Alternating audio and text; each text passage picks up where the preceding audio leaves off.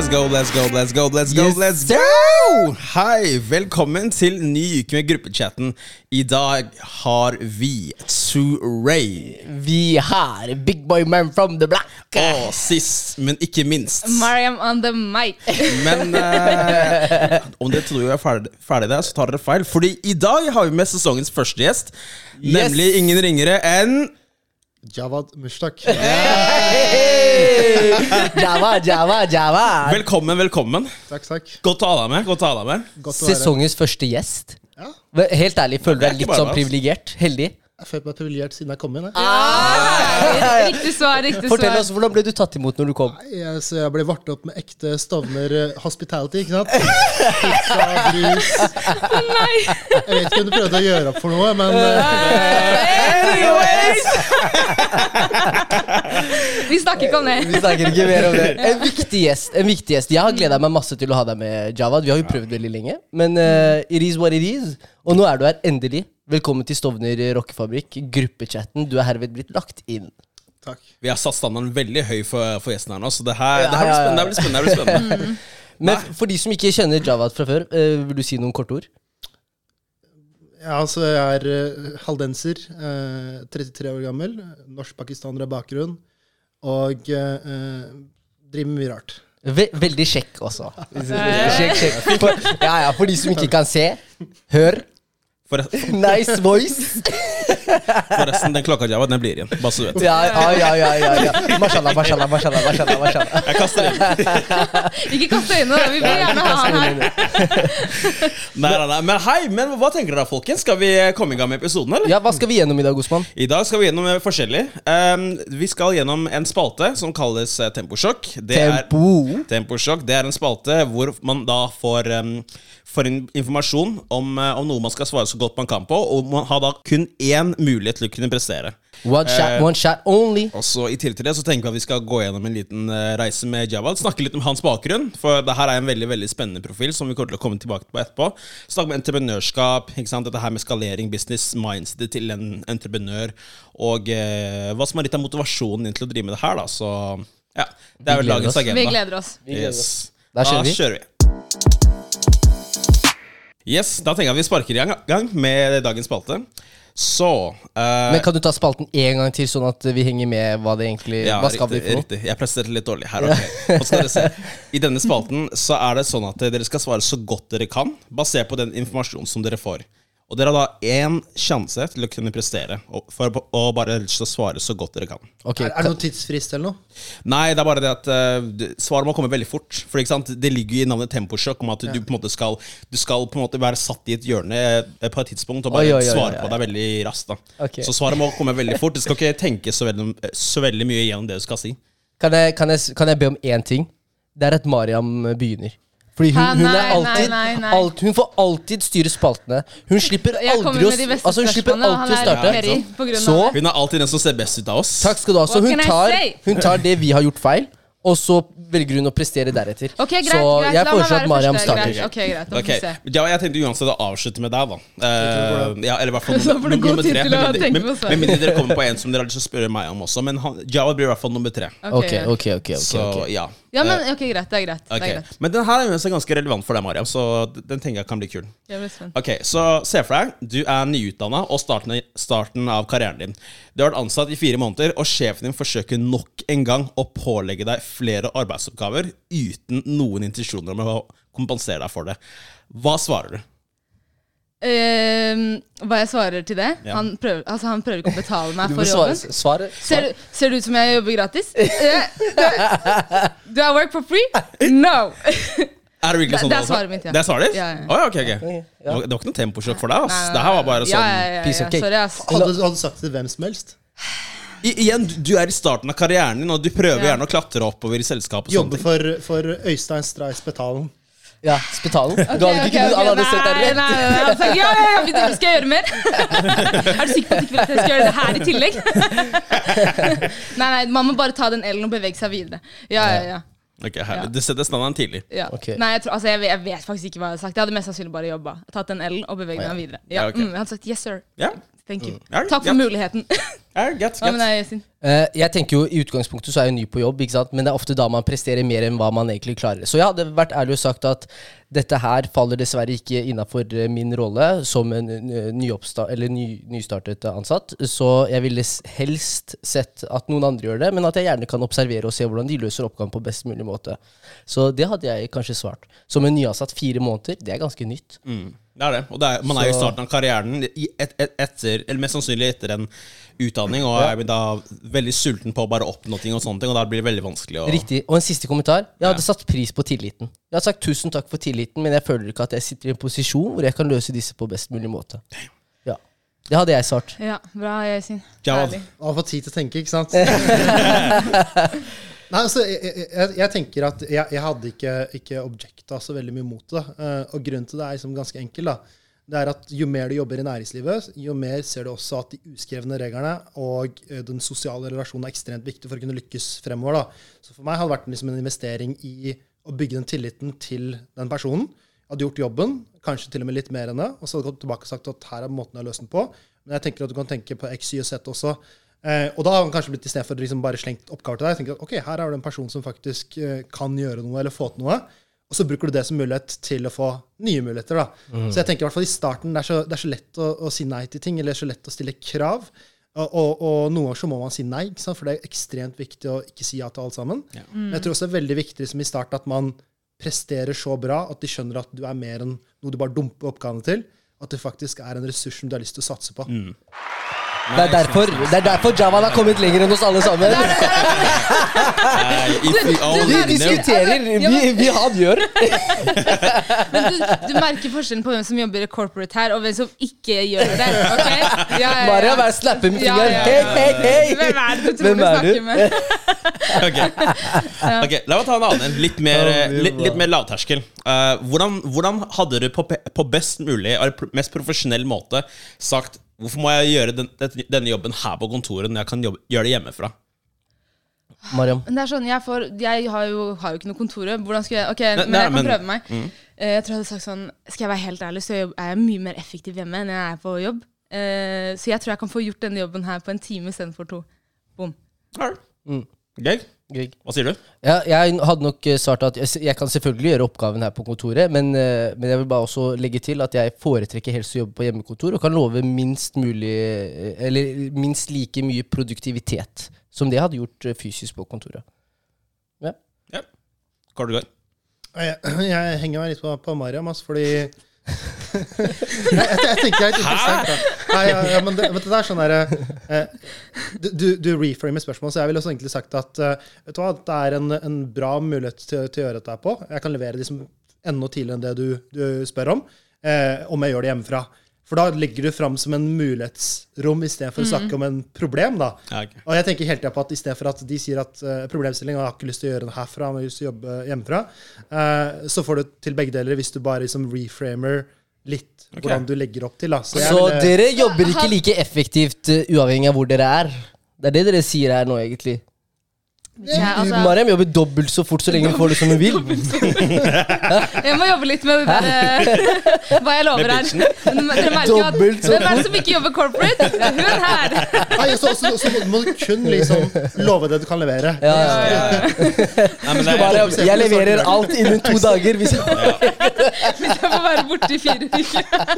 men, men, jeg, Man må starte med forhandlingene tidlig, eller hva? Men det er faktisk en veldig god overtalelsesmetode. Og, og, altså, du legger det fram som om du gjør vedkommende en tjeneste ved å egentlig gjøre deg selv en tjeneste. Så, men man må jo selvfølgelig være litt sånn delicate i måten man legger det fram på. Så, men jeg har én til, eh, egentlig. Eh, det her, er, det her er mye mer corporate. Her tror jeg egentlig bare Java er den som kan prestere. Eller, eller yes, for så vidt også. Ok, konkurrerer mot. Javad. Bare sånn for å understreke, jeg er ikke corporate lenger. Ah, Ja, okay, okay, okay. Det er på mitt lag nå. Herlig. herlig. Så jeg står alene. Ja. To mot én, let's go! Ok, Så hvordan sier du overfor kundene dine at du dessverre ser deg nødt til å øke prisene på dine tjenester? Oh. Ingen av Mariams kunder liker økte priser. Mariam gjør det bare fordi hun vil. Hun må ikke. Mariam ønsker seg en ny bil. Hva skal hun gjøre? Ja, Det er grinding season. Vi snakket veldig mye om at eh, det er tid for å begynne å svare penger. Og også øke inntekter, eller hva? Ja, ja, ja. Eh, Det er jo bare å skylde på inflasjon, da. Her er det alt som har gått opp, og da går vi også opp. Eller hva? Ja. Inflasjon tror jeg er en sånn fin ting å, å argumentere eller bruke litt som en arg argument. Mm. Ja. Da tar vi for gitt at det er nå og under Ja, nå, nå, nå. Nå. Ja, Okay. Jeg hadde, jeg hadde tatt inn eh, geopolitiske årsaker. Jeg har sagt noe om at uh, på grunn av det, uh, og også lagt det litt på krig og sånn, for da begynner folk å bli litt sånn empatiske. ikke sant? De forstår. Uh, Jeg har spilt litt på det, og så sagt at uh, jeg har økte utgifter, som dessverre igjen går på kunder. Kan jeg rette opp min? Egentlig ikke, men kan, hva ja, men takk skal du ha. Jeg tror jeg faktisk hadde sagt at 10% av inntektene hadde gått til mangfold. Går de til Og hvem, hvem er det som er mangfold? Det er meg! Yes, yes, yes, Did I yes, lie? yes, No, yes. I didn't lie. Tror det hadde funka bra. Det er- er bra forståelse for, for mangfold om dagen. Altså. Så, Ja, ikke sant? Det er, Ekstra budsjetter. ja, ja, ja. 10 går til Jeg håper at du har god kontakt med regnskapsføreren din, eh, Mariam. Du har regnskapsfører. Hva med deg, Javad? Nei, altså, jeg, jeg- tror i dette utgangspunktet her så hadde jeg gått for inflasjons... eh, liksom, fremstilling da. Eh, men, men her liksom kanskje eh, vinklingen er ville gjort annerledes. da, fordi inflasjon, alle forstår dette her. Alle kostnader går opp. ikke sant? Strømprisene er oppe i taket. Makro liksom, eh, økonomiske utfordringer. Um, eh, du har liksom økte matvarepriser, du har økt liksom, konflikt. Alt dette her fører til at det blir liksom økt sentralbanksrente og også økt, økte kostnader. Så alle forstår dette her. ikke sant? Eh, men, men jeg tror at i disse situasjonene så er det også veldig viktig at man tenker hva er det som skaper verdi for kundene sine. Så en ting er bare å øke prisen på det man gjør, men man kan tenke nytt på hvordan man pakketterer både prisingen og produktene som gjør at kundene føler at de får minst like, om ikke mer verdi, for den prisen de betaler, som kanskje er litt mer. da. Eh, og det man ser som er litt kult, da, eh, som også egentlig er litt sånn derre eh, Jeg jeg vet ikke om jeg har hørt det konseptet rundt shrinkflation. Ja, jeg hørte det. sant? Så, så at du, du Prisene beholder seg samme eh, på matvareprodukter, mens pakkene, Ja! pakkene har liksom gått fra 200 gram til 180 gram nå. Ikke sant? Så folk ikke skal legge merke til det. Men det er måten de har gjort det på for å redusere liksom, eh, eh, og bake inn kostnadene. Eh, det er ikke alle som er like glad i det fenomenet. Nei, jeg Maria er ikke like glad. noen av oss har jo tenkt sånn Ja, men jeg har sikkert bare vokst. Det er jo sikkert derfor. Matvarene Det føltes så mye større før. Ja, det, var, det er sikkert jeg som har blitt eldre. Men så, men så har den faktisk blitt mindre. Ja, ja, det har blitt mindre. Men det som er, i Norge så har vi en veldig transparent system, fordi i matvarebutikkene så har du kiloprisen Ja. på alle produktene, så du vet at liksom, hadde begynt å ta, ta mer. da. Men det er liksom bare, og jeg sier ikke at du skal bruke den metodikken, men det handler om at hvordan kan du sørge for at man får nesten like mye, om ikke mer, men får en prising som også er mye mer fordøyelig. For hvis du sier at jeg får samme tjeneste, men jeg skal ta økt betalt, selv om du forstår inflasjonssituasjonen, så gjør det litt vondt ikke sant? å betale litt ekstra. Eh, Absolutt, Og det er jo absolutt, derfor vi ser mer luft i chipsposene, men det, det funker jo. Ok, så, okay, så du, du tenker altså, altså at prisen og verdien av tjenesten må, må gå proporsjonalt? Ja, jeg, jeg, jeg tenker, Som et minimum? eh, eh, mottakerens persepsjon, eller kundens persepsjon, må være at jeg får minst like, om ikke mer verdi, eh, for den ekstra prisen jeg betal, betaler. da. Så Javad hadde ikke sagt noe til kunden, han hadde bare endret uh, hvordan han pakker varene. Altså. men men, men det, det, det som er litt sånn vanskelig dette, her, er at vi tar et utgangspunkt i at vi kan diskutere inflasjon, ikke sant? men uh, eh, alle har jo ikke hatt samme lønnsvekst som inflasjonen har vært heller. Så teknisk sett så har den lavere netto kjøpekraften enn du hadde før. Det er det som gjør at folk i større grad også uh, snakker høyere om dette. her, da, At Ja. de merker at lommeboka deres uh, rekker til mye mindre. da. Det var ment å være rapid.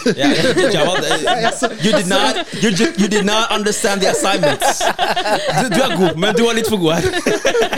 Jeg bare så du, blik, du blikka meg litt. Ja, det var, vi er ikke på hovedtema ennå. Men ja, jeg tror med det så kan vi egentlig rappe opp eh, selve, selve spalten her. Uh, jeg vil nok si at det var uh, Overall Jesen som presenterte Nei, nei. nei. Hæ?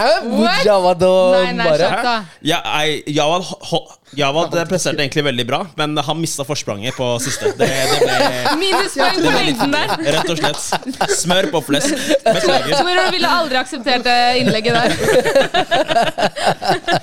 Jeg setter pris på det, Osman. Men Men, jeg ga det ekstra verdi. ikke sant? Du spurte meg om et lite svar. Jeg ga deg det pluss ti ganger til. ikke sant? Ja, men, men noen ganger vil kunden bare ha det. Nei, Det du vet.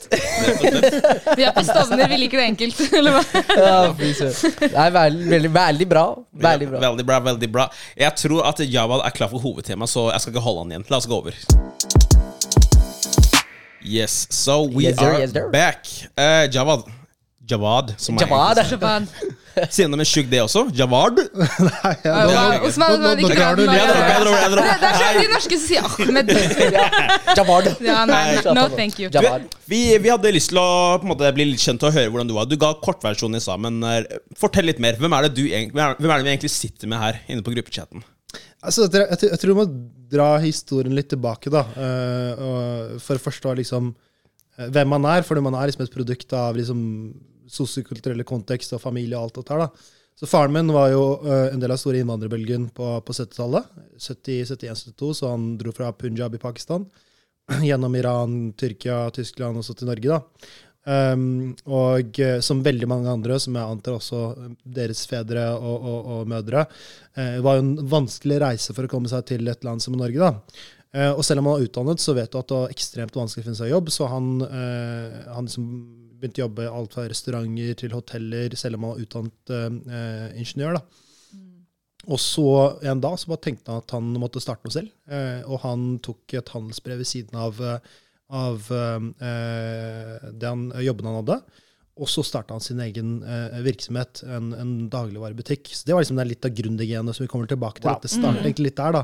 Cool. Eh, og, og han gikk derfra videre, flyttet liksom til øst, til det jeg liker å kalle for Østlandets perle, Halden, hvor jeg er fra. Ikke bygda. Det kan diskuteres. Det kan diskuteres. Kan, kan det det? og, og han var den andre med innvandrerbakgrunn i byen. Eh, Wow. Så det var liksom veldig sånn eh, fresht og nytt for alle de eh, innbyggerne der. da. Og han startet liksom, han gikk fra, fra, fra dagligvarebutikken til å åpne eh, en restaurant, kinesisk restaurant. Han kan ikke lage mat engang, jeg vet ikke hvorfor han gjorde det. så det er sånn helt merkelig. Det begynner alltid sånn. Og så hadde han bensinstasjon, og så hadde han en, en, en Wow. dual-butikk da, i, i Sarpsborg, hvor han hadde databutikk på toppen, og så hadde han eh, importert skinnbutikk eh, fra Pakistan i etasjen under. Ga ikke noe mening i det hele tatt, men, men han drev med det. Så han var liksom litt sånn gründer- og kremmerinstinkt. da. Eh, og moren min er liksom, som veldig mange andre, er jo eh, arrangert ekteskap. Eh, hun, hun kom på 80-tallet. Hun var liksom 19 år på det tidspunktet. Og kommer egentlig til et ukjent land med en ukjent mann eh, til et ukjent sted og, og, og til en ukjent by. Aldri sett snø i sitt liv før. Eh, og så skal etablere et liv der, da. Eh, med nesten ingen andre med innvandrerbakgrunn. Føler ikke noe tilhørighet i det hele tatt. Og, og, og, og, og, og som har vært liksom konteksten. Men de har vært liksom grunnpilarene både for mye av mentaliteten jeg har fått, men også for, for, for liksom mulighetene jeg har fått. Da. Og jeg tror veldig ofte at vi glemmer liksom historien til våre foreldre. fordi vi hadde ikke sittet der, vært der og hatt de mulighetene vi har, hvis ikke noen hadde tatt den kampen eh, og kjempet og ofret så mye på veien. da. de ikke kaller kalle sånn usynlige heltene. ikke sant? Eh, så, så det er liksom utgangspunktet mitt, og det er der historien min starter fra Halden. da. Ja, ok, Veldig kult. veldig Kult, kult. Men, men, men den historien, hvordan er det det har formet deg? Sånn, Ja. Nå har du på en måte beskrevet noe av forløpet, men hvem er Jawad? Hva med ble resultatet av eh, dine foreldres uh, uh, uh, Det ansvaret de tok da? reisen. Deres reise? Så, så, så de eh, Jeg er født og oppvokst da, da i Halden. da. Vi har litt sånn der, det vi kaller for en normal pakistansk familie. Åt, åtte barn. Wow! Så hyggelig. Just another day. Hvor er du på rekka? Jeg er fem. Ja, ikke sant? Så det er, liksom, det er veldig lite alderskap mellom de aller fleste. Ett til to år. Mellom meg og lillebroren min så er det fire.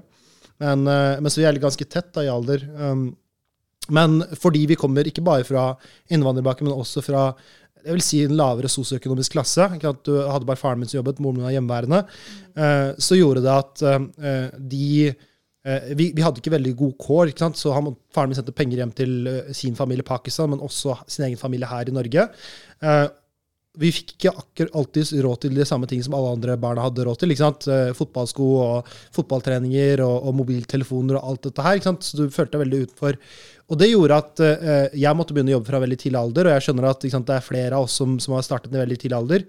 Så jeg startet uh, i, i en alder av 13 som avisbud. Uh, Yes! Aftenposten, eller? Det var ikke så mye Aftenposten i Halden. Lokalavisa? Lokalavisa! Halden Arbeiderblad. Det kan ikke si at jeg ikke Hvor, er hvor gamle var dere når dere starta førstejobben deres? Uh, Jeg var 14. 14, ja. uh, og jeg ville starte som avisbud, men det var sånn no no for foreldrene mine. Det var noe brødrene mine fikk gjøre når Ja. de var 13. Mens jeg var sånn nei, jeg har kjempelyst, fikk ikke lov til det. Ja. Og så, så da ble det Tusenfryd på meg. Det var liksom første Tusen- mulige ja, ja. type jobb som jeg kunne få i så ung alder. Da var det billettluka der. Ja, meg var 13 år. Altså, avisbud Aftenposten fem ganger i uka. Rett etter skolen. Aftenposten skulle leveres før 17. Det er så gøy, fordi vi har snakket litt om det, og Yesin har sagt at han etter hvert begynte å liksom utvikle liksom pyramidespill. Ja, ja, ja, ja. Jeg fikk kidsa til å jobbe for meg. Det er liksom den der Ja, mentaliteten. ja, ja. sant? Er du gæren? Tenk her, du, har, du har fire ulike borettslag du skal levere til. Du henter fem kids, eh, gir dem en is hver, og så Så de bare sprer seg. Wow, Hvor mye, tjener, hvor mye tjener du på det? Jeg hadde en fast månedslønn. For Det snakker vi ikke høyt om. Kanskje de kommer tilbake til meg. La meg la meg nevne litt. da Jeg begynte også å jobbe i en alder av 14. Jeg begynte som dødselger for Dagbladet. Det er kanskje en, Det er den Oh, dårligste wow. avtalen. Dørselger. Jeg tjente syv kroner per avis. Jeg solgte avisen for 20 kroner. 13 gikk til dem, 7 gikk til meg. Jeg hadde solgt den for 30. Hæ? 30. syv var ikke dårlig. Spørsmål hvor mange aviser du klarte å selge. Ja, ja, ja. Det var ikke mange. Søndag, søndagsmorgen klokka ni. Nei, nei, nei, nei. Det var ikke mange som hadde lyst til å se ansiktet mitt. Men det er interessert i, da. Det er interessert i, vi, vi alle hadde jobber, ikke sant. Vi tjente penger på dette her. Hva er det vi brukte det første par lønnene til? Hva er det vi... Ja, det er et godt spørsmål. Jeg var veldig gira på sånn eh, YouTube, og hadde så lyst til å starte min egen YouTube-kanal. Så min første samla liksom hele lønnen og kjøpte meg en Mac Ja. for den. Og ja, for du ville sikkert ha sånn spørsmål om at jeg hadde brukt de på en eller annen sånn kebabsjappe. Nei, nei, jeg, kult, kult, kult, kult. Ja, så, nei, så jeg brukte alle pengene på en Mac, og så bare utvikla jeg liksom den uh, hobbyen med å liksom redigere videoer og ta bilder og sånne type ting. Så det var det, var det liksom min pott gikk til. Tjente bra på tusenfri, altså. Nei, det, vi snakker vi snakker en fire måneders lønn samla, skrapt opp sammen Nei, til en Mac. Mine første lønninger gikk faktisk eh, til eh, tur til, til byen. Altså. Jeg var første gang på kino i en alder av, altså med venner, som 14 år gammel. da fikk jeg endelig lov til å dra på kino. Eh, så det var, det var mest sånn det sosiale jeg brukte penger på. da. Fikk spandert litt kebab på gutta. Og, Ja. Det føltes godt. ja, ja, ja, absolutt. Ja, ja. Jeg var en av de få som hadde jobb, så da var du, du må ta ansvar for eh, gjengen. Når det regner på meg, så drypper det på mine homies. Er det ikke det du sier? Ja, ja, ja, ja. Ja, nei, jeg, korte svar for min del gikk, på, det gikk, eller Lønna mi gikk på videospill, rett og slett. Så det var ikke så Det gjør veldig det i dag å skryte av. Noen ting endrer seg ikke. Anyways. Ja, så, så det, det, er, det, er, det, er, det er på en måte vårt forbruk, da. Men eh, du, jeg, jeg, jeg vet jo at du har hatt en litt annerledes type måte å bruke pengene på. Ja, eller jeg t- tjente altså jeg, jeg hadde også en ambisjon da, ikke sant? på det tidspunktet. Så hadde jeg lyst på en telefon. Eh, jeg vet ikke om dere husker liksom, de gamle liksom, Nokia-telefonene. som Nokia 3210 og sånn? Ja, jeg Wow, hadde, så min var 3510, ikke sant? Wow, wow, hadde wow, wow. ringetoner. Way back. Og Sånn, ja, det var liksom way Den back. som vibrerte på, Ja, ja, på ja, bordet. ja, hadde ikke fargeskjerm eller Så, så, så jeg brukte først på lønningene. da, Ikke sant? Ja, men det var, det var altså de der to ukers batteriene og sånne ting. Ja, ja, ja. Livet var ærlig. Li- Det var herlig liv. Men den tida, vi hadde ikke råd til å ringe. Vi la anrop. Ja, ja, ja. Ja, ja, ja. En, en ring hvis du tok opp, hva faen? Nei, Ikke la Hvis du skrev en melding, det var 140 karakterer. Det var aldri OK. nei jeg, vet, jeg vet ikke om det er hjemlandet deres, men i Gambia vi har fortsatt ord for det. Det kalles å flashe. Så det er sånn, folk gjør det fortsatt. Folk flasher.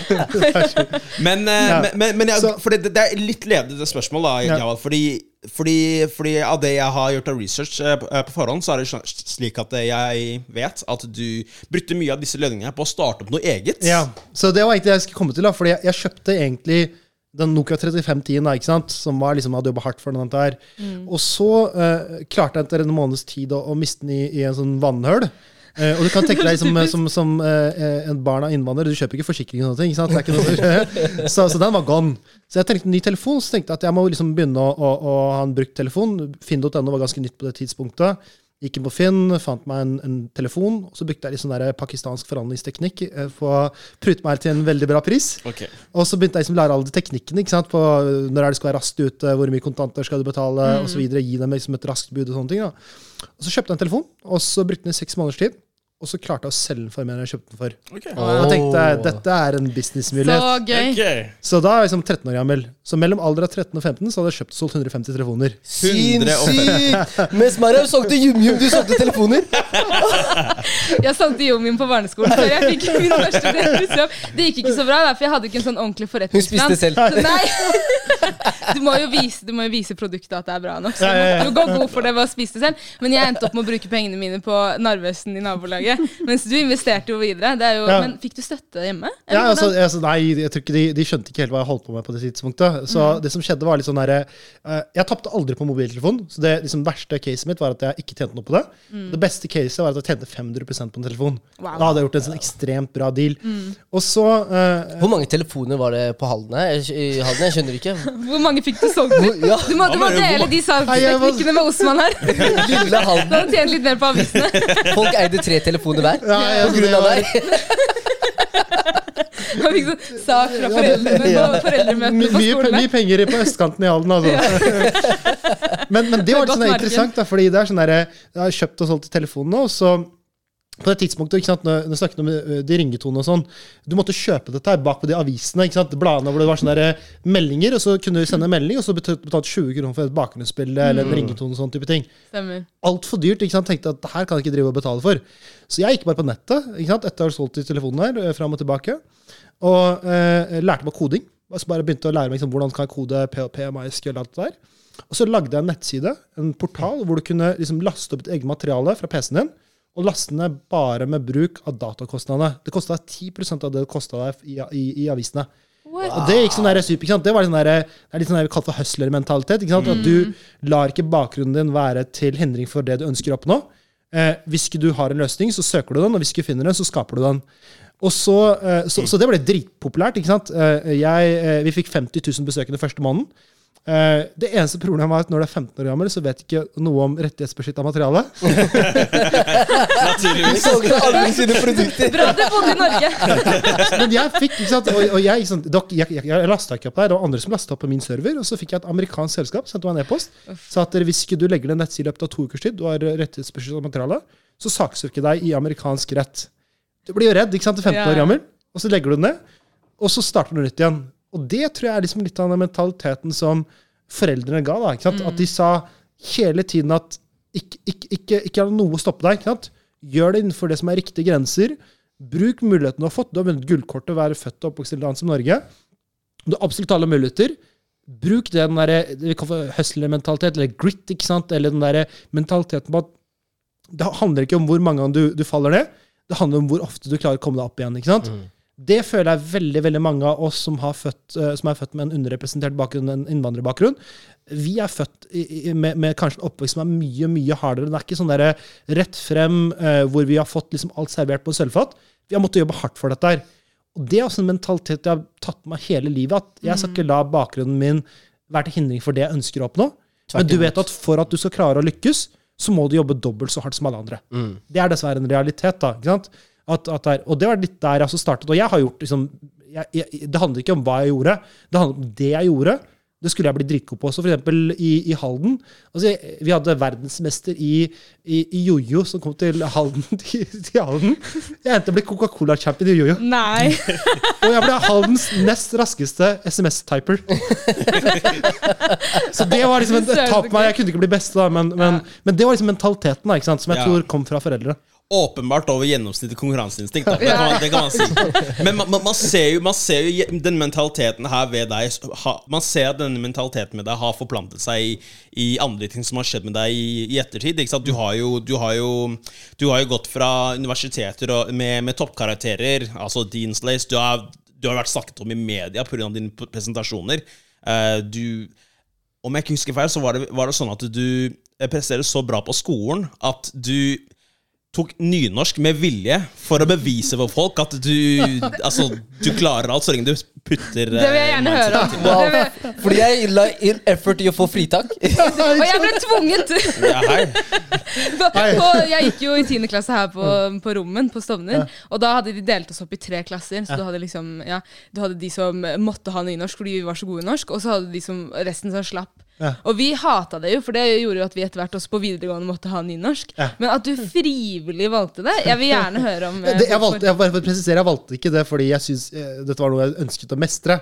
Altså Det som skjedde, var sant, at uh, du kan gjøre veldig mye bra, ha mye liksom, grit og ambisjon og sånne ting. da. Men når du bor i en sånn liten by som Halden, 30 000 innbyggere, du er den andre familien med innvandrerbakgrunn du møter, altså Det jeg trodde på det tidspunktet var rasisme, men som i et, etterkant, hvor jeg tenker at det handlet bare egentlig om at eh, de ikke hadde møtt så veldig mange som så annerledes ut, som også hadde ambisjoner. Men jeg hørte hele tida liksom at uh, du er ikke god nok, uh, reduser ambisjonsnivået ditt, fordi jeg sa hele tida at jeg skal ta høyere utdannelse. Nei, gjør noe som passer for sånne som deg. Så lurte jeg alltid på hva det egentlig betød. Ja, Sånne som deg, hva mener du? Jeg er født og oppvokst i Norge. Eh, liksom, prøver du å si at jeg kommer fra en annen bakgrunn og jeg ikke kan lykkes? Ikke sant? Er det som, er det jeg du prøver å si? Og da kom jeg som en ordentlig identitetskrise, eh, hvor, hvor eh, jeg som slet liksom veldig mye med eh, Er jeg norsk nok? Eh, Eller er jeg for pakistaner? Kanskje de har rett i det de sier, at jeg ikke kan lykkes hvis ikke jeg blir mer integrert eller mer norsk. da. Eh, og og, og liksom jeg følte liksom at vi var liksom litt norske. Jeg er født og oppvokst i Norge, spiste fiskeboller og poteter og fiskepinner og noe. ikke sant? Sto kanskje ikke på ski, men, men, men, men det er liksom Det var next level. det er next level. Det er, next, det er for den neste generasjonen. ja, ja. Ja, ikke sant? Ja, det neste Vi generasjon. Må ta ett steg av gangen, da. Ja, ja. Og så tenker jeg liksom at, eh, så var det en lærer som sa til meg at eh, du, dette er nymotens språket. Nynorsk. Dette er viktig for deg for at du skal lykkes i næringslivet. Så det verste jeg har hørt i etterkant. Sant? stemmer det, eller? Ja, ja, altså, nei, altså, jeg har ikke aldri hatt bruk for det i det hele tatt. Vet, altså, hun hadde aldri jobba i næringslivet, så hun skjønte jo ikke dette her. Men hun sa at dette var viktig. Jeg tror kanskje jeg refererte til at NRK sånn, de skriver både på nynorsk og på norsk. Og, sånn, da. Mm. og så tenkte jeg at kanskje det er det som er liksom greia som gjør at jeg blir akseptert for å være ekte norsk. Eh, og ekte Åh, integrert også. lære ikke sant? seg nynorsk. Ja, så tenkte jeg liksom, er dette Det var liksom, inngangen. Ja, det var liksom det, er det mest norskeste jeg kunne finne på. Liksom, å Oi, lære seg ja. Mer norsk enn å gå på ski. ikke sant? Ja, ja, ja. Det er han der eh, Ibsen og dette her. ikke sant? Lær deg liksom dere, lær litt nynorsk. Eh, og, og så, hvis du mestrer språket, da kanskje da så aksepterer deg. Shit. Så, Men for det hadde funka, her på Stovner. ja. Det hadde funka hvis du frivillig tar den i norsk her. Da er du han norske Ja, du hadde blitt den norske. ja, ja, ja. Men det som er så interessant med det du sier, er at du opplevde dette i Halden. Ja. Men eh, når jeg skulle eh, søke meg inn på videregående, og vi hadde vår rådgiver på rommen, Mm. så anbefalte han absolutt alle oss å søke yrkesfag. Ja. Og det er ganske interessant, for her er det ikke manko på ja. sant? minoritetsbakgrunn. Ja. Så det er jo interessant at dette er jo liksom Dette er jo ikke bare unikt for uh, f.eks. folk som vokser opp i eh, helt. områder som ikke er like representerte som f.eks. Stovner. da. Men at det er en sånn gjenganger at man tenker at folk som ser ut som oss, som har de utgangspunktene Ja, ja, vi har, eh, at det finnes begrensninger for hvor, eh, hvor mye og hvor langt vi kan nå. da, ikke sant? Det er litt spesielt. Ja. Men kult, altså. Klarer du, klarer du å si noe på nynorsk? Nei, altså, nynorsk er et skriftspråk, skriftspråk. Å ja, faen, det er du kanskje. Du tok åpenbart ikke nynorsk. Jeg var ærlig. Jeg var ærlig. Jeg, jeg, jeg, Men- men- jeg, men fritak hele veien. Hablo español. Jeg klarer det. For å konkludere på den historien, da, bare for at, fordi det er liksom viktig kontekst i forhold til mentaliteten. da, at det er sånn, Jeg strøk nesten første året, strøk nesten andre året. Og så sa jeg tredje året jeg skal liksom virkelig mestre dette språket her. Så jeg satte meg ned, pugget ordboken inn og ut, og, eh, og, og klarte til slutt å gjøre det veldig bra på avsluttende tentamen. Fikk best karakter i klassen. Men når jeg fikk tentamen og fikk resultatet, så kom en gammel lærer inn i klasserommet. Løper bort til meg og sier at jeg kan ikke stemme at det med de bakenfor Wow. karakteren der. Så Wow, river hun ut av hånda mi mens jeg holder eh, prøven. At jeg må ta den tilbake og rette den på nytt. Og jeg møtte sånne type hendelser mange ganger. Å. Og da har du egentlig bare to valg. Enten så blir du irritert og, og svarer tilbake, og så skaper du ikke endring. Eller så må du bare bli best i det du holder på med, og gjøre det over tid. Og når du jobber så hardt, så lar du resultatene være svar på tiltale. Og for meg ble det liksom min ambisjon og drivkraft. At jeg skulle vise at alle i et Dritbra. her her, hvis du vil, kan du bli best på noe, Virkelig. men da må du jobbe mye, mye hardere enn alle andre. For en mentalitet, ass. Ja, ja. For en mentalitet. Ja, og- Lytt, lyttere. Lytt. Lyttere. Lytt, lytt til denne Lytt- biten her. Viktig. Man, man, man, man, man ser virkelig det sånn, eh, sånn generelt med deg. Og jeg, jeg husker også at du nevnte det i, i en presentasjon som du hadde. Det er ikke nok å være god, man må være fabelaktig eller noe something along, along those lines. Og, og det, det ser man jo har vært tilfellet med deg. Altså, du er jo, blir det riktig å kalle deg serieentreprenør? Ja, og, eh, Altså, du, du er jo en entreprenør, du har jo skapt Ja, veldig mye. ja. Da, så Solgt telefoner eh, som faen. Ja, ja, ja, Mac. Og så har, har du jo også Absolutt. vært involvert i veldig mange av de største selskapene, eh, om du da fortsatt ikke er det. Eh, Og, det, og det, det, det sier jo litt om på det måte hvor hvor langt du har kommet ba- bare basert på den mentaliteten din. Og jeg er veldig glad for at du ikke har latt uh, altså måten du skiller deg ut på, har vært en begrensning, men at du heller har embracet det og sett på det som en styrke. Det tror jeg er veldig viktig, eh, i hvert fall når det kommer til entreprenørskap. Hvor er du i dag? I forhold til uh, Jobb, karriere. Hva, livsmentalitet. hva lever du av? Fra, av nynorsk? Fra liksom nynorsk til uh, Hva er resultatet? Jeg har, jeg har en del roller. Hovedrollen min i dag er at jeg jobber for en organisasjon som heter EAT, som jobber med mat, helse, klima og bærekraft. Som ble startet av Gunhild Stordalen. Der er jeg nestleder, og jobbet der de siste to årene. Jeg ble headhunta inn. Eh, og så eh, har jeg da startet opp eh, et par sosiale organisasjoner, så en som heter MAK, hvor de jobber mye med mangfold i næringslivet. Ikke bare som stakkarslører, men snakker om hvordan næringslivet kan bli Ja, men det er, det det ofte men det er sant. det er realitet. Det er realitet. Det er jo ofte det Men, blir sett men, ikke sant? Og det var liksom der at jeg skulle jo fortelle dem at jeg snakker liksom fem språk og, og har bodd liksom i fire Ja, er kontinenter. Kan jeg spørre, Hvilke fem språk er det? Ja, altså, vi kommer tilbake til altså, men, men, men, men poenget mitt var at, uh, eh, at næringsliv og organisasjonsnivå må forstå at det vi bringer på bordet, i tillegg til vår fagkompetanse, er det vi trenger for å lykkes med å bygge fremtidens næringsliv. ikke sant? Og det håper jeg de begynner å forstå. Er det sånn der, Vi kvoterer deg inn fordi du ser litt annerledes ut, så putter jeg på bildene her og der. Det er ikke mangfold. ikke sant? Det er Ja. det selskaper holder på med om dagen. Det er Ja, ja, PR. ja. Ja, så vi jobber mye med det, og så jobber, har jeg jobbet veldig mye med uh, unge og frafallsrate. Så jeg bruker veldig mye fritid på å snakke med uh, unge på videregående skoler. Vi har 25 frafallsrate i, i, i, i skolesystemet da, på videregående skoler. Og veldig mange av de gutta som faller ut, har ikke rollemodeller kan se opp til. Så når du deler historiene, sånn som oss går og møter dem, deler historiene, da blir de inspirert til å fortsette. Og det er en viktig rolle vi også har. Ikke? At vi ikke vi bare får vår suksess, men hvordan vi bruker vår suksessplattform til å sørge for at alle får en mye bedre forutsetning for å lykkes. da. Og så har jeg i senere tid nå begynt å Jeg har jobbet mye med liksom å coache eh, mange gründere, spesielt med mangfoldig bakgrunn. Og siste året så har vi også begynt å investere. da. Så vi har begynt å investere i, i, i selskaper, både her, men også eh, i hjemlandet til foreldrene. Eh, at i stedet for å sende penger tilbake, så bidrar vi til å skape arbeidsplasser, som er en mye bedre måte å, å, å gi tilbake på. Det er veldig kult. Veldig kult. Hvordan, Wow. hvordan, hvordan, hvordan starter man egentlig opp noe sånt? Altså, ja. altså, altså fordi Folk har jo gjerne en oppfatning eller en, en tanke om at man- at man har lyst til å utrette noe større enn seg selv, eller bare noe stort. Men man vet kanskje ikke hvordan, man skal starte, eller har kanskje noen, noen ressurser, mens når man da ikke vet hvordan man skal utnytte. Hva, hvordan, har du noen tips der? For å bli gründer, tenker du på? Ja. Ja. Altså, jeg, jeg tenker at uh, det, å, det å starte opp noe må være fordi utgangspunktet er at du, du bidrar til å løse et problem som eksisterer der ute. Uh, veldig ofte så starter folk ting, og så er det ikke en, en målgruppe for dette som er interessert i å bruke tilbudet eller produktet eller løsning eller hva enn det er. da. Eh, så, så jeg tenkte liksom, når jeg skulle starte nå disse samfunnsorganisasjonene så sa jeg at dere, eh, hvis jeg skal jobbe med å vise næringslivet at vi har eh, tilgang til, til mangfold, og starte en organisasjon som jobber med dette, her, så må jeg gjøre noe som ikke eksisterer i markedet i dag. Fordi jeg vet at næringslivet både etterspør det, og det er et behov for dette. her. Så det er en behov eh, eh, og en etterspørsel som må eh, da liksom matches med et tilbud. Eh, og det kan være liksom hva som helst. Ikke sant? Eh, som du kan tenke på. Det kan være en samfunnsorganisasjon, det kan være en privat eh, sektororganisasjon, det kan være noe helt annet. Denne podkasten er jo sånn form for gründerskap. Så, så dere ser et behov der ute, og dere fyller det behovet. Og det fins mange måter å starte på, men jeg tenker at for, for de som ikke helt vet hvor de skal starte, eller hvem de skal starte med For veldig ofte så er gründerskap en, veldig, eh, en reise som er veldig alene. Da. Det er gjerne godt å ha noen mennesker rundt seg som kan være en, en teampartner, eller som komplementerer kompetansen din. Eller, ja. Når jeg investerer i et selskap, så ser jeg først på sant, hvem er teamet. Jeg ser ikke på løsningen først. Jeg ser på hvem er de menneskene jeg skal investere. For jeg investerer så tidlig at hvis de ikke er solide, og ikke har den der mentaliteten, den gritten, den hustle-mentaliteten, så kan det hende at hvis produktet ikke går den veien, så faller det helt ut. Men mennesker som har et bra team sammen og bra grit sammen, De eh, finner de, løsning. de finner alltid en ny løsning. Ikke sant? De, de, når faller ned, så finner de en ny løsning. Eh, og så tror jeg det, det kan hjelpe å være del av noen strukturerte eh, programmer, enten inkubatorprogram eller akseleratorprogrammer. Det fins mange sånne eh, i Norge som hjelper deg med å få en strukturert tilnærming til å starte en ting. Men jeg tror det handler om å komme litt i gang. Da, ikke sant? Eh, finn noe du er interessert i, noe du ser er et behov for. Eh, og bare sett i gang. Det trenger ikke være et formelt selskap engang. Altså, du kan starte med et tilbud uten at det er noe som uh, er registrert som en AS. Da. Et AS er ikke et, nødvendigvis uh, et selskap uh, eller en løsning, da.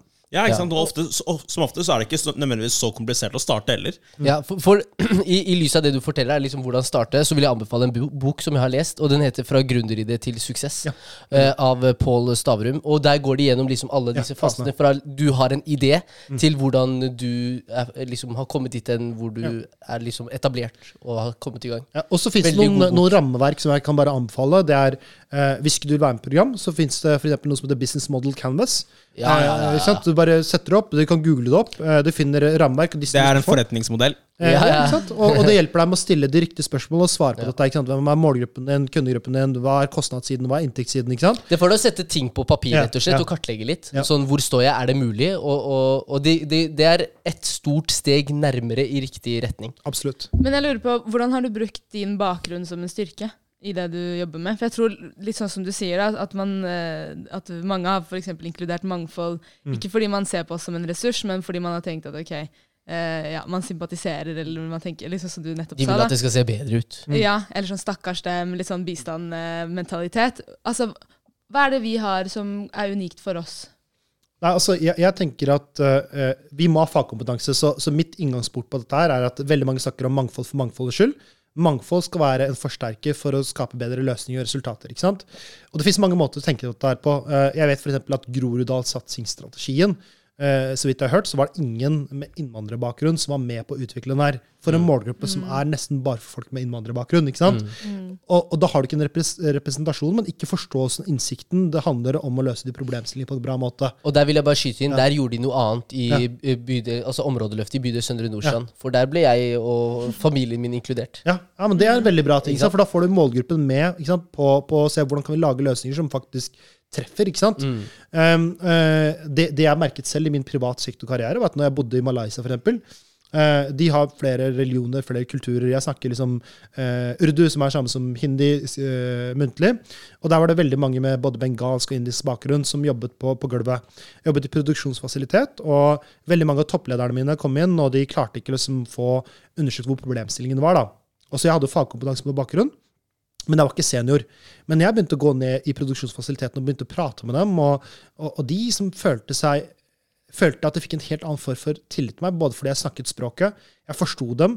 Eh, også liksom, helt tilfeldige ting som at jeg pleide å gå og lese bønn på det bønnerommet, og så kom noen inn og bare sa Øy, eh, er ikke du norsk? Så sier jeg ja, men eh, hva har det med dette å gjøre? Men så fikk den helt tillit til meg, og så begynte de å fortelle meg at dette er problemstillingene. Fordi de som kom eksternt, som hadde en, en vestlig bakgrunn, var veldig sånn hierarkisk tilnærmet til dette her, og du fikk ikke samme tilliten. Så jeg var i en posisjon hvor jeg kunne være med på å løse problemene på en mye mye bedre måte. For jeg fikk tilgang til innsikt i informasjon som andre ikke hadde.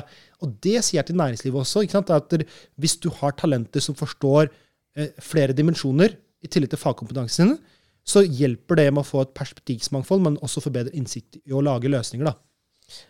Dritkult. Jeg synes det her Jeg, jeg kunne prata om det her lenge, Javad. Jeg tror ikke du forstår. Eh, dette er sykt engasjerende å høre på. Men altså, jeg vil snu det om. ok, Nå har vi snakket om mye entreprenørskap, og sånn, men hvordan også kombinere det her med et eh, Hvis man ønsker et typisk familieliv. Er, er du singel? Jeg er singel. Du er singel. Uh, chiquitas. ¿Qué pasa, hombre? No. Nice plug-in. Vi legger den, vi legger den. Men altså, du, du reiser mye rundt. Du er eh, Åpenbart så jobber du fryktelig mye også. Altså, eh, hvordan, hvordan finner man kjærligheten i en eh, sånn type tilværelse? Nei, Jeg altså- trenger tips, skjønner du. Spør for en venn! Ja, spør for en venn, ja. Nei, jeg spør for meg. ok. Let's be honest Med here. Vi spør for meg. How is the work-life balance? Hvordan Ja. Nei, altså, altså jeg, jeg føler at jeg er veldig privilegert eh, til å kunne liksom, jobbe veldig med ting som jeg virkelig liker å gjøre, da, og som jeg føler skaper en forskjell. Og så tror jeg alt i livet handler om at du har liksom en, en så mye mengde med tid. Det handler om prioriteringer. ikke sant? Hvis du ønsker å prioritere et familieliv, så må du sette av tid til dette. her, ikke sant? Og, og bruke tid og effort. Min største liksom, problemstilling vi har, eh, bodd, Jeg har bodd i fem kontinenter. ikke sant? Jeg har bodd i, i Malaysia, Brasil, USA, England og litt i Kenya, Shit, ass. Mauritius. Eh, og, og liksom, Du nevnte to kontinenter, men greit. Nei, nei. Jo, men det siste var liksom ikke kommet der. det. ikke er fem totalt. Fem totalt. Fem kontinenter, første var Malaysia. Yes. Det er fem totalt. Men, men Jeg, jeg, greia jeg var- tellinga. Jeg Ja. tellinga, ja. Jeg, jeg er dårlig i geografi. Jeg fikk ikke med meg noe. Dårlig geografi, og noen har dårlig matte. Så. Pek på meg. Ja, det var jo Malaysia er ikke et kontinent! Nei, men det Ja, er men ingen jeg, av jeg, jeg andre. refererte til landet i Ja. kontinentet. Jeg vet det, men du sa fem kontinent. Ok, greit. I hvert fall. I hvert fall. Tilbake, tilbake til det som var poenget, da. Det var at eh, eh, det som har vært kanskje største problemstillingen ved å bo så lenge ute, er at du mister litt av den der sosiale eh, konteksten. der, ikke sant? Så med en gang jeg flytta fra Norge og bodde et, nesten et år i Malaysia, så, så mista jeg veldig mye av touchpunktet mitt i Norge. Og når jeg flytta derfra til, eh, til liksom, var i Brasil en periode, mista jeg liksom touchpunktet der og i Norge. ikke sant? Så det å flytte mye rundt, det, det skaper også noen utfordringer. da, ikke sant? Det har vært min største liksom, kanskje eh, eh, ja, barriere, da, kan man si. Eh, det at eh, moren min må ringe meg hver helg og spørre om det er nyheter til henne eller ikke. ikke sant? Det, det er sånn, det er, De venter. De venter. de, de venter. Ingen software-oppdateringer der. Men, men det har også gjort at jeg har valgt i, i større grad nå å basere meg ut fra Norge. Ja, ok. Og at jeg har liksom valgt noen, tatt noen bevisste valg. Da, fordi at jeg tror du kommer til en alder hvor du må tenke på at det handler om, om mer enn bare dette her. Men jeg tror ikke du trenger å, å, å liksom gi opp eh, hele liksom, karriereambisjonene eh, vår for å ha et familie. Og det tror jeg er viktig for også våre miljøer. fordi det jeg føler veldig ofte kvinner i våre miljøer eh, opplever, er at de er best på, på liksom, skolen. Best på universitetsnivå og høyskolenivå. Og så kommer du ut i arbeidslivet, jobber to-tre år, og så kommer kulturelle forventninger på at de må gi opp alt i forhold til ambisjoner og sånne ting, fordi de må ha et etablert familieliv.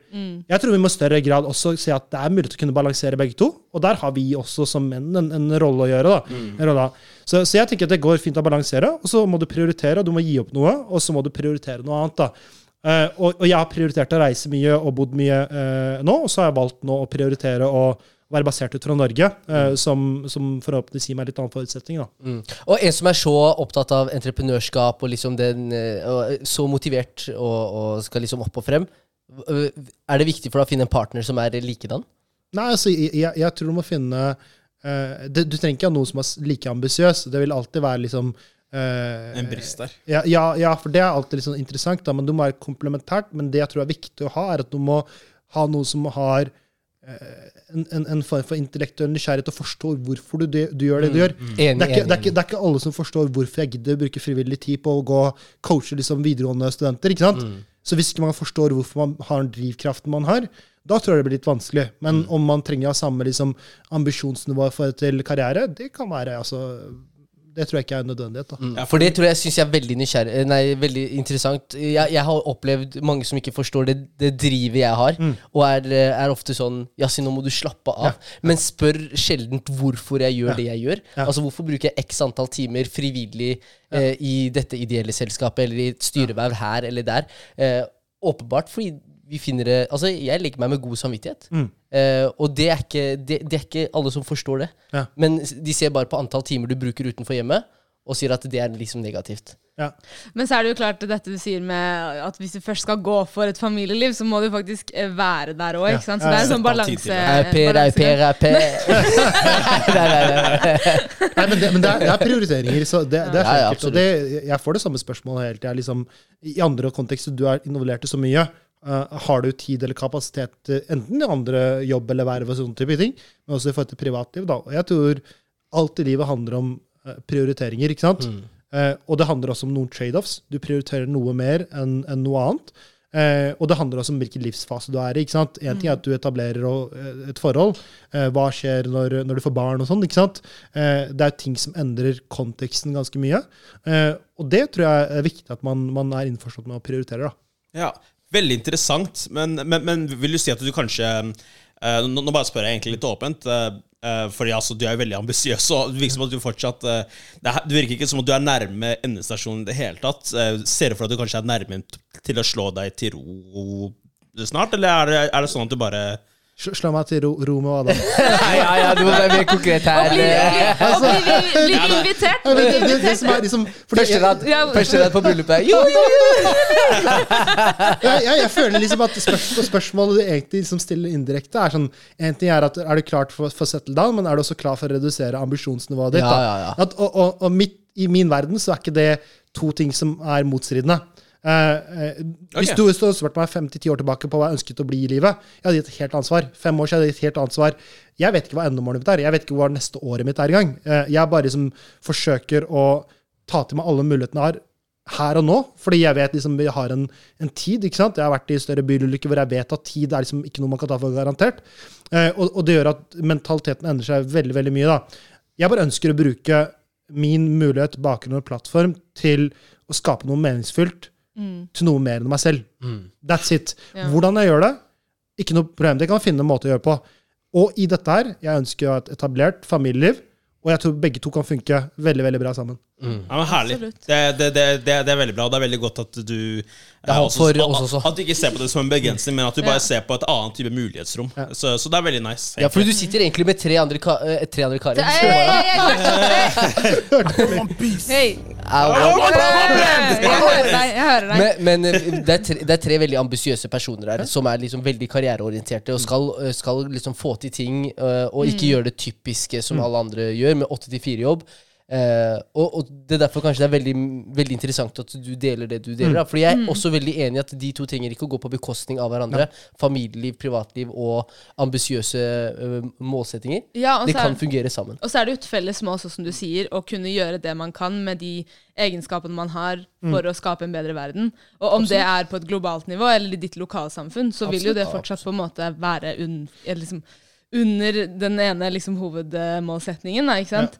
Så, og det vil jo også være på en måte også oppdra den nyeste, altså den nye generasjonen. Det er også en måte å gjøre verden til et Ja. bedre sted. ikke sant?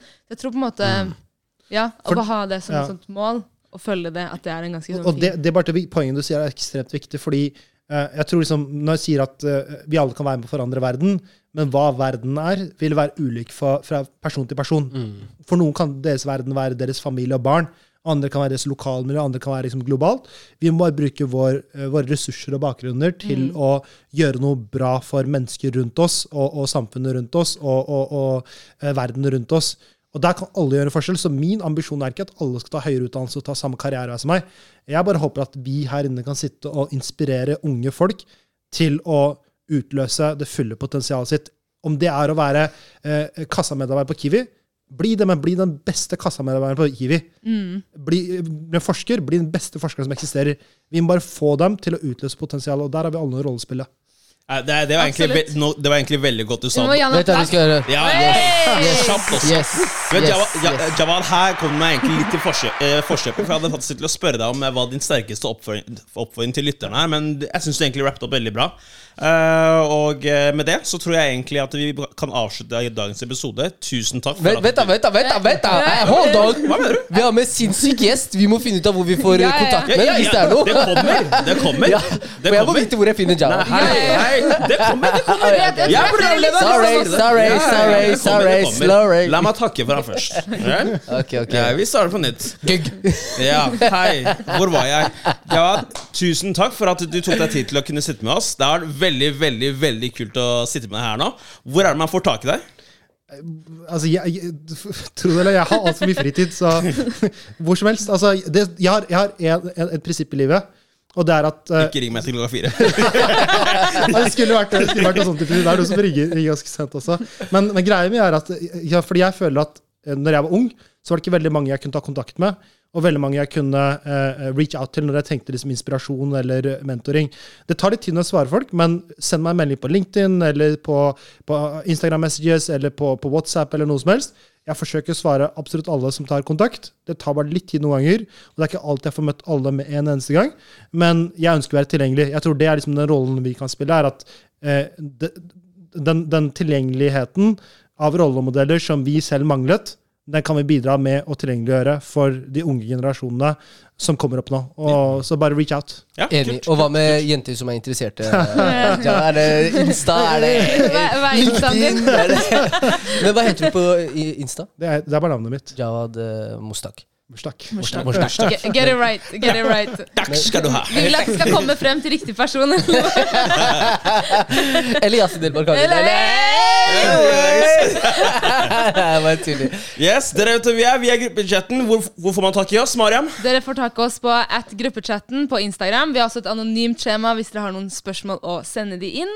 Så kan dere sende de inn der. Vi svarer på de fortløpende. Takk for at dere lyttet til oss. Takk, eh, Tusen takk, Javad. Jawad. Dritbra! Vi snakkes! Hey!